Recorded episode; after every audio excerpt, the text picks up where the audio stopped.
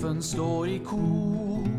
Det betyr at nå skal Erlend lese bok. God morgen, god morgen, god morgen, god morgen, god morgen, kjære lytter, og velkommen til episode fire av Erlend leser bok.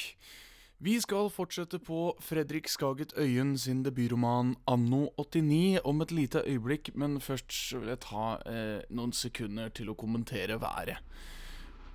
Ja, det du hører der ute, så vidt i bakgrunnen, er lyden av traktor og brøytebil med slepeplog og 3000 slaver som skal rydde opp det sølet som har ramla ned i Volda i natt. For det viste seg nemlig at selv om vi trodde at sommeren var eh, rett rundt hjørnet og temperaturene steg, så har det i løpet av de seks timene jeg har sovet i natt, falt ja, det er vel en god halvannen meter snø her, tenker jeg. Ja, så eh, la oss ta et øyeblikk til å dvele litt ved hvor godt, eh, godt det er å skrape av halvannen meter snø av bilen sin. Eh, spesielt når man har parkert nede ved kaia og har en helvetes glatt vei oppover for å komme seg til studentradiostudio. Du hører altså på Erlend lese bok på Volda studentradio. Og i dag så er det en full dag med sendinger foran oss. Jeg håper dere kommer til å høre på resten også. Men vi skal konsentrere oss om Norges siste mohikaner. Sykkelreparatøren fra Kristiansund med trondheimsdialekt, Fredrik Skagetøyen, og hans bok Anno 89. Vi har lest eh, forordet eh, og de 19 første kapitlene, tror jeg vi kom fram til sist gang. Eh, den eldre herremannen på 26 år ved navn Fredrik, eh, forklarte for meg i forrige uke at eh, de delene vi har lest Vi har lest del én og en god del av del to. Det er altså tre deler til sammen. Eh, del én handler om eh, handler om oss. Eh, og del to handler om dem. Eh, og del tre handler om ham selv. Så vi kommer til å komme et godt stykke ut i eh, i del to i dag. Og så er jeg litt usikker på om vi rekker å begynne på del tre, men eh, vi skal i hvert fall komme så langt som vi kommer. Skal vi se Det siste vi leste, hva var det for noe? Er det noen som kan ringe inn og fortelle meg det? Der, ja. Jeg fant det. Ikke noe behov for å ringe inn. Men da setter jeg i gang. Dette er Anno 89, og kapittelet heter Den yngre garde. Helvetes unger! Kom dere av eiendommen min! Hadde jeg vært tre år yngre, så Slike utsagn er nå en naturlig del av livet mitt. Dette er trist på mange forskjellige måter. Det som er mest trist, er at eh, siden jeg bor i en liten leilighet i Trondheim sentrum, så har jeg ikke noen eiendom å jage ungdom vekk fra. Derfor eh, må jeg ta til takke med å jage ungdom ut av en liten kommunal park som ligger like ved. Det er rett og slett ikke det samme. Selv om vi 89-ere har stor respekt for gamle dager, så var vi alltid relativt samstemte om at eh, noe trengte å skje.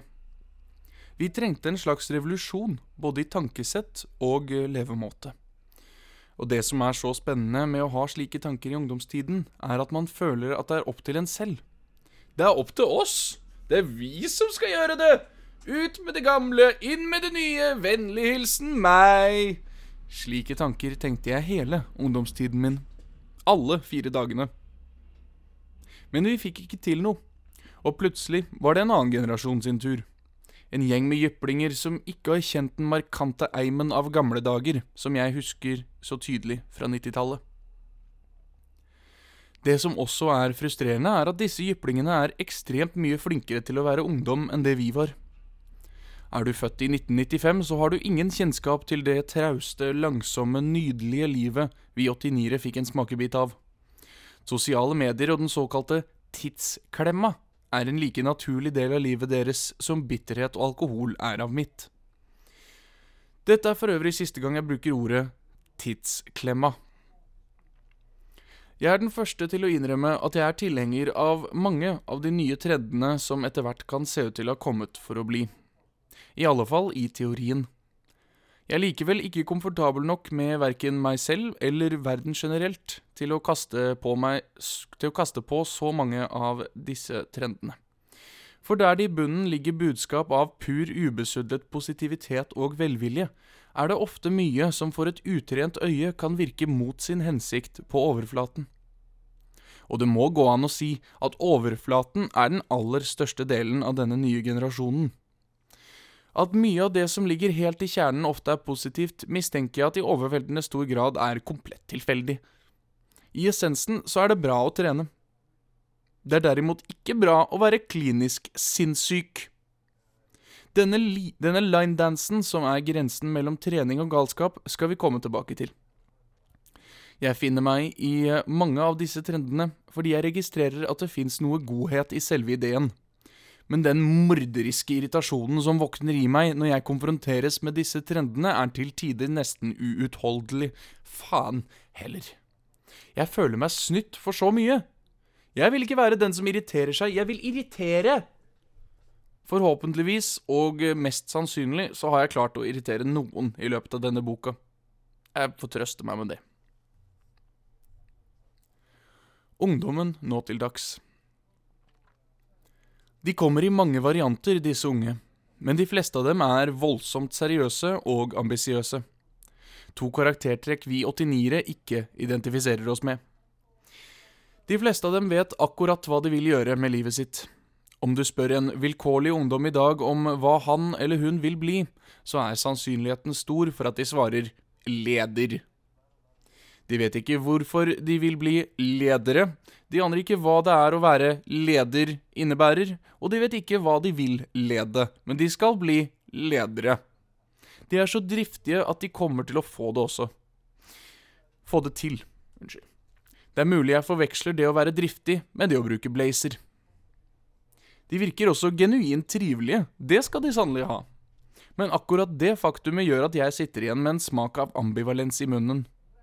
For min teori er at de har bestemt seg for å, for å faktisk være en generasjon med samhold og brorskap og alt som hører med. De har på et eller annet tidspunkt hatt et svært allmøte hvor de har vedtatt at vi skal være snille, vi skal se bra ut, vi skal ikke røyke og kun drikke glutenfri øl. Sånn, da er det vedtatt. Vær så god, nå kan dere gå tilbake til mobilene deres igjen. Og så hygget de seg resten av kvelden med selfies og hashtags og gud faen vet hva. Det er en liten skandale. Hva med oss? Vi er da vitterlig ikke så mye eldre. Hva om vi, vi, vi vil ha noe positivt å stå for? Vi vil jo selvsagt, selvfølgelig, ikke ha noe positivt å stå for, men det hadde vært fint å bli spurt. Men eh, selv om jeg innser at vi 89-ere ikke er en fullblodsdel av denne nye generasjonen, så er vi som sagt i en unik situasjon til å bygge bro mellom det gamle og det nye. Jeg har allerede gitt den yngre garde en dyptgående beskrivelse av livet i gamle dager. Nå har jeg lyst til å trekke fram noen punkter ved den nye hverdagen hvor jeg mener skillet mellom før og nå er størst. Håpet er at den eldre guide, sett fra 89-erens ståsted, kan få en slags innføring i hvordan den moderne hverdagen er. Håpet er også at den yngre garde kan bli mer oppmerksom på hvilke aspekter ved deres kultur som kan oppleves som forvirrende og frustrerende for utenforstående. En havsliv og en biff, takk. Tatoveringer var før noe kun de kuleste drev med. Kul er muligens et definisjonsspørsmål i dette tilfellet. Det spørs litt om du mener det er kult å være kriminell, eller rockestjerne. De to går for så vidt ofte hånd i hånd. I gamle dager var tatoveringer i alle fall forbeholdt de som ikke hadde rent mel i posen. De hadde til gjengjeld, til gjengjeld ofte ren narkotika i posen. Tatoveringer hadde en veldig konkret funksjon før i tiden. Om man havnet i fengsel, noe man jo ofte gjør om man er kriminell, så visste de andre kriminelle hvem du var og hva du sto for. Dette er tradisjon i først og fremst russiske og amerikanske fengsler, men også i norske. Ved å se på tatoveringene til dine medfanger, så kunne du raskt og uproblematisk se hvem du skulle knivstikke og eller voldta i dusjen. Ganske skummelt, men også uhyre praktisk. Norske fengsler har aldri vært like brutale som russiske eller amerikanske, selvfølgelig. Vi drev ikke med knivstekking og voldtekt her til lands, men eh, det var uansett greit å vite for den gjengse norske forbryter hvem man skulle baksnakke, eller hvem som ble valgt sist når man spilte fotball. Samtidig som røyking så sin popularitet falle, så har tatoveringer sett en kolossal, kolossal økning i popularitet. Det er ikke bare trendy, det er så inn i helvetes trendy. Det som før var forbeholdt rockestjerner og kriminelle, har nå vanlige folk trykket til sitt bryst. Av en eller annen grunn så er det kokker og frisører som er den mest tatoverte yrkesgruppen i Norge. Det er veldig lenge siden sist jeg så en kokk uten minst én half-sleeve. Eivind Hellstrøm har nok ikke mange tatoveringer, men så er også han eh, blitt eh, mer klovn enn kokk etter hvert. Her om dagen så jeg en frisør som hadde tatovert en tåre på høyre kinn. I et amerikansk fengsel betyr en dråpe under øyet at vedkommende har begått mord. Så enten er denne i overkant feminine nordlendingen en kaldblodig drapsmann, eller så synes han bare at det er fint med tårer. De stakkars forbryterne i amerikanske fengsler vet faen ikke sin arme råd lenger. Hvem er med i det ariske broderskap, og hvem er bare en kokk? Hvem er iskald morder, og hvem er frisør? De ender jo opp med å knivstikke og voldta hva som helst. Og i hvem skal, og hvem skal bli valgt sist når man spiller fotball i norske fengsler fremover? Å velge en kokk eller en frisør sist i fotball er vel, når jeg tenker over det, ikke det verste man kan gjøre. Men om dette ikke skaper splid mellom de gamle og de unge, så vet ikke jeg. Gamle damer går nå rundt i Oslo sentrum i den tro om at alle mannlige frisører er tungt kriminelle, og at alle kokker er narkomane rockestjerner. Sunnhetstyranniet, del 1 Trening Å trene er bra for deg. Dette utsagnet er ingen brannfakkel. Alle er vel enige om at trening i bunn og grunn er positivt. Det kan til og med hende at du lever et år eller to ekstra om du trener nok. Dette liker folk som trener også å minne oss på. Eh, men det er ganske påfallende hull i logikken til disse treningsfolka. For hva er vitsen med å leve i to år til om disse årene vil bli fylt opp av mer trening? Den voldsomme og til tider fanatiske holdningen folk nå har fått til trening, er for meg et av vår tids største mysterier. Som jeg så vidt har vært inne på, finnes det deler av den nye hverdagen som til og med eldre mennesker har trukket til sitt bryst. De forstår ikke så mye av det, men man trenger ikke forstå noe for å trykke det til brystet. Det hender seg at jeg gir kjæresten min en klem, men å forstå henne har jeg gitt opp for lengst. Poenget er at mennesker av alle aldre trener i dag. Men de fra den eldre garde som har kastet seg på denne trenden, er oftest mennesker som er på vei gjennom en tung og brutal midtlivskrise. De føler et sterkt behov for å vende tilbake til ungdommen, og gjør dette ved å prøve å trenge seg tilbake inn i ungdommens rekker. Et tydelig eksempel på dette er at man i dag kan se en armada av lett forvirrede 40-åringer på et hvilket som helst treningssenter. De er klar over at de er der, men vet ofte ikke helt hvorfor. Midtlivskriser hadde man ikke før, men fra 90-tallet kunne man merke en kraftig fremvekst av dette fenomenet. Den dag i dag er det knapt et menneske som ikke går igjennom denne fasen. Det finnes enda mennesker som holder stand, Min egen far, for eksempel. Men eh, jeg har i det siste plukket opp små tegn som gjør meg mistenksom på et årskort hos Sats. Anlegg til hestehale, og en tung motorsykkel ligger rett rundt hjørnet. Når dette er sagt, la oss ta en nærmere titt på treningskulturen før og nå. Før i tiden hadde vi 1. Folk som ikke var profesjonelle idrettsutøvere. Trente en sjelden gang iblant, man pleide å si at man gjorde det for å holde seg i form, men alle visste at det egentlig var for å holde ting i sjakk. Treningen besto enten av å løpe, jogge, sykle, spille fotball eller å løfte ting. Eller nummer to profesjonelle idrettsutøvere. Relativt selvforklarende, akkurat den. Ganske ryddig liste. Man trengte ikke å trene, derfor trente man ikke. Ganske ryddig tanke. Ryddighet satte vi pris på før i tiden. Man kunne finne en og annen friskus her og der, selvfølgelig, og alle var strengt tatt enige om at de burde trene litt mer. Men at vi skulle havne i den situasjonen vi er i i dag, det var det ingen som trodde. For i dag er situasjonen mindre oversiktlig. Nummer én personlige trenere. Dette er den desidert største grupperingen. Det er faktisk flere personlige trenere enn det er folk som trener i Norge.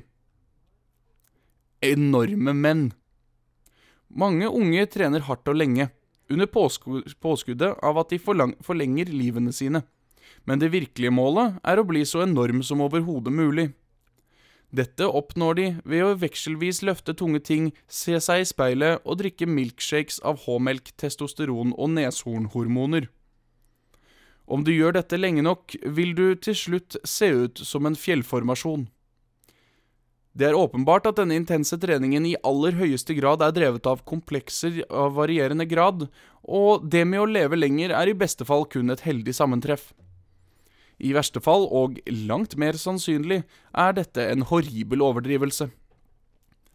Grunnen til at de vil se ut som fjellformasjoner kan variere.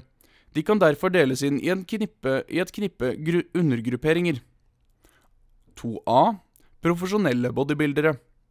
For disse er det ikke bare viktig å være stor, men alt må være proporsjonalt stort. Om alt er proporsjonalt, ser de helt naturlig ut. B amatør-bodybuildere vil oppnå det samme som de over, de er bare dårligere. C. Strongman-utøvere. For disse er ikke det viktigste å være stor, det viktigste er å kunne velte traktordekk og løfte steinkuler av varierende tyngde. At de er enorme, er som regel bare en bieffekt av dette. D. Kriminelle pengeinnkrevere. Disse trener seg enorme for å se skremmende ut. Om de er store nok, så vil folk bli redde når de ser dem, og på den måten slipper de å måtte utøve vold for å få jobben gjort. De utøver som regel litt vold likevel, men det er en annen sak. Nummer tre enorme kvinner. Kvinner kan også få lyst til å ligne et fjell. Disse er enten bodybuildere eller militante feminister. Bodybuilderne trener av samme årsak som de mannlige, for å se mest mulig naturlig ut mens eh, feministene er drevet av pappakomplekser og et generelt hat ovenfor menn. Nummer fire 19 år gamle jenter. 19 år gamle jenter er et spesielt fenomen i utgangspunktet. De er hellig overbevist om at de vet det aller meste, derfor er det så viktig for dem å starte en treningsblogg når de begynner å trene. Bloggen er også mye viktigere enn selve treningen. Tiden på treningssenteret bruker de til å posere på nedtrekkapparatet, for så å skrive en halv side om korrekt nedtrekkteknikk. Dagen etter drar de tilbake til treningssenteret, tar et identisk bilde og oppdaterer bloggen sin med overskriften 'Sjekk fremgangen!' kolon p. Der, deretter skriver de et langt og utdypende innlegg om det å tro på drømmene sine, og ikke gi opp, og viktigheten av et velplassert smiley. Det hender seg også at de trener litt. Nummer fem 19 år gamle gutter. Disse trener i all hovedsak for å få draget på de 19 år gamle jentene. Nummer seks eldgamle ektepar som liker å gå en tur opp på den lokale fjelltoppen en gang om dagen. Denne typen treningsutøvere er drevet av et intenst ønske om å komme med på Norge Rundt. Om de ikke kommer med på Norge Rundt, så nøyer de seg med et årlig oppslag i lokalavisa. Dette er for øvrig eh, for ekstremsport å regne i min bok, da fysikken til utøverne ikke tilsier at dette skal være mulig. Det er kun gjennom ekstrem viljestyrke eller ren og skjær demens at dette i det hele tatt lar seg gjøre. Nummer sju middelaldrende damer. Disse går tur. Noen ganger i fjellet, noen ganger i skogen, men veldig ofte på flat asfalt. Tur er tur, som man sier, og uansett underlag så bruker de skistaver. Noen av dem melder seg inn i et lag, forening eller klubb hvor alle deltakerne må gå i matchende uniform, og med matchende staver. Dette er et skrekkelig syn. Nummer åtte middelaldrende menn på sykkel. Disse er ofte i midten av 50-årene og har derfor ofte mye penger. Disse pengene skal brukes på sykkel. Sykkelen skal helst være i karbonfiber og koste 45 000. Det aller viktigste når det kommer til valg av sykkel, er vekta. Ved å kjøpe dyre karbonsykler sparer man ofte godt over en kilo sammenlignet med en vanlig sykkel. Logisk tenkt, øh, om man ser bort ifra at de fleste av disse menneskene veier godt over 120 kilo. Nummer 9. Yogaentusiaster. Denne gruppen har en rekke medlemmer av menneskehetens brede spekter sluttet seg om. Man finner f.eks. A. Brasilianske menn med rastafletter, drevet av lysten på å underlegge seg flest mulig hormonelle kvinner. B. Kvinner i 30-årene, drevet, drevet av lysten på å ligge med brasilianske yogainstruktører. C. Gravide kvinner, drevet av hormoner. D. Kvinner i overgangsalderen, drevet av mangelen på hormoner. E. Unge jenter, drevet av at yoga er den perfekte unnskyldningen til å legge ut bilder av rumpa si på bloggen sin. F. Unge menn, drevet av rumpa til bloggeren på yogateppet foran. Over til nummer ti. Pilates-entusiaster.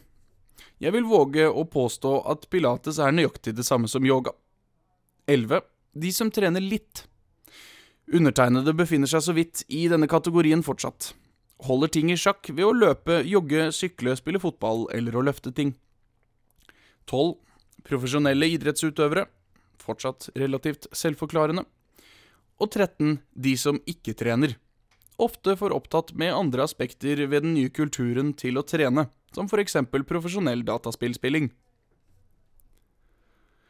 Denne listen er på ingen måte komplett, men man får i alle fall et visst overblikk. At trening nå ikke bare er en, et nødvendig onde lenger, har gitt mange mennesker en ny hverdag. Mennesker som TV-aerobic-instruktør Kari Jakkesson har f.eks. nå fått en ny vår.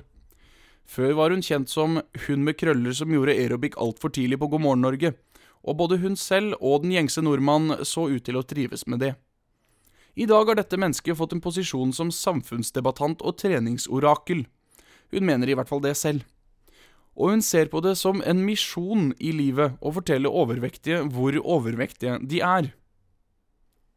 Hun er kanskje mest kjent i disse dager gjennom det, den høyst offentlige feiden hun har pågående med LFO-leder Jørgen Foss.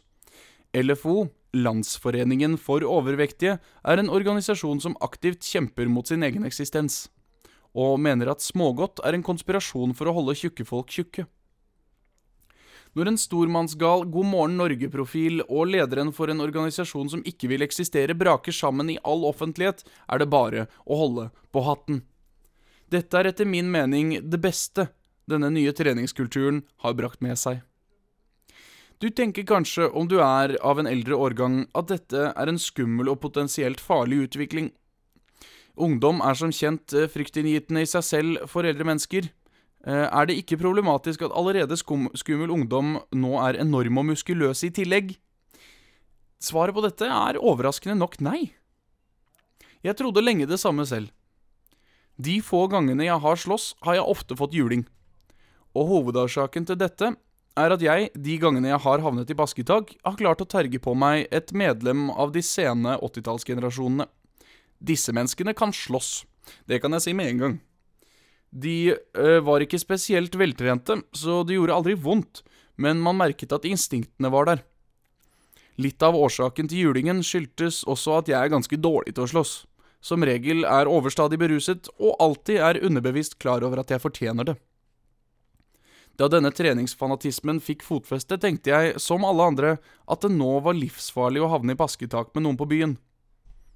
Folk født etter 1990 har ingen interesse av slåssing. De er enorme, men dette er av rent overfladiske årsaker. Så det er med glede jeg kan betrygge eldre lesere eh, og at det verste du kan bli utsatt for om du skulle møte en kranglete norsk ungdom i dag, er å bli markløftet. De få som har interesse for slåssing, er aktive kampsportsutøvere, og de har for høy sportslig integritet til å bruke evnene sine på mannen i gata. Mitt største problem rundt denne treningskulturen er at mennesker som er en del av den, ofte kun snakker om trening. Vektløfting er vel og bra, men er ikke et fyrverkeri av et samtaleemne. Da stopper jeg eh, lesinga der i dag. Neste gang skal vi begynne på crossfit og sunnhetsdyraniet del to. Men eh, det må nesten vente til neste mandag. Eller hvilken som helst dag hvis du hører på podkasten. Du kan sjekke oss ut på Mixcloud, på knagget.no radio eller på iTunes. Der lastes alle episoder opp. Lik oss på Facebook. Jeg sier oss, det er meg, da. Men lik gjerne meg på Facebook hvis du liker å høre på og høre meg lese bok. Jeg er tilbake igjen eh, neste mandag, live på Volda studentradio på knaggen.no. Eh, og eh, inntil videre så får du kose deg med uka. Dette her er dagens låt. Det er Nissim av Gaslamp Killer. God mandag, god uke, og så høres vi igjen neste gang.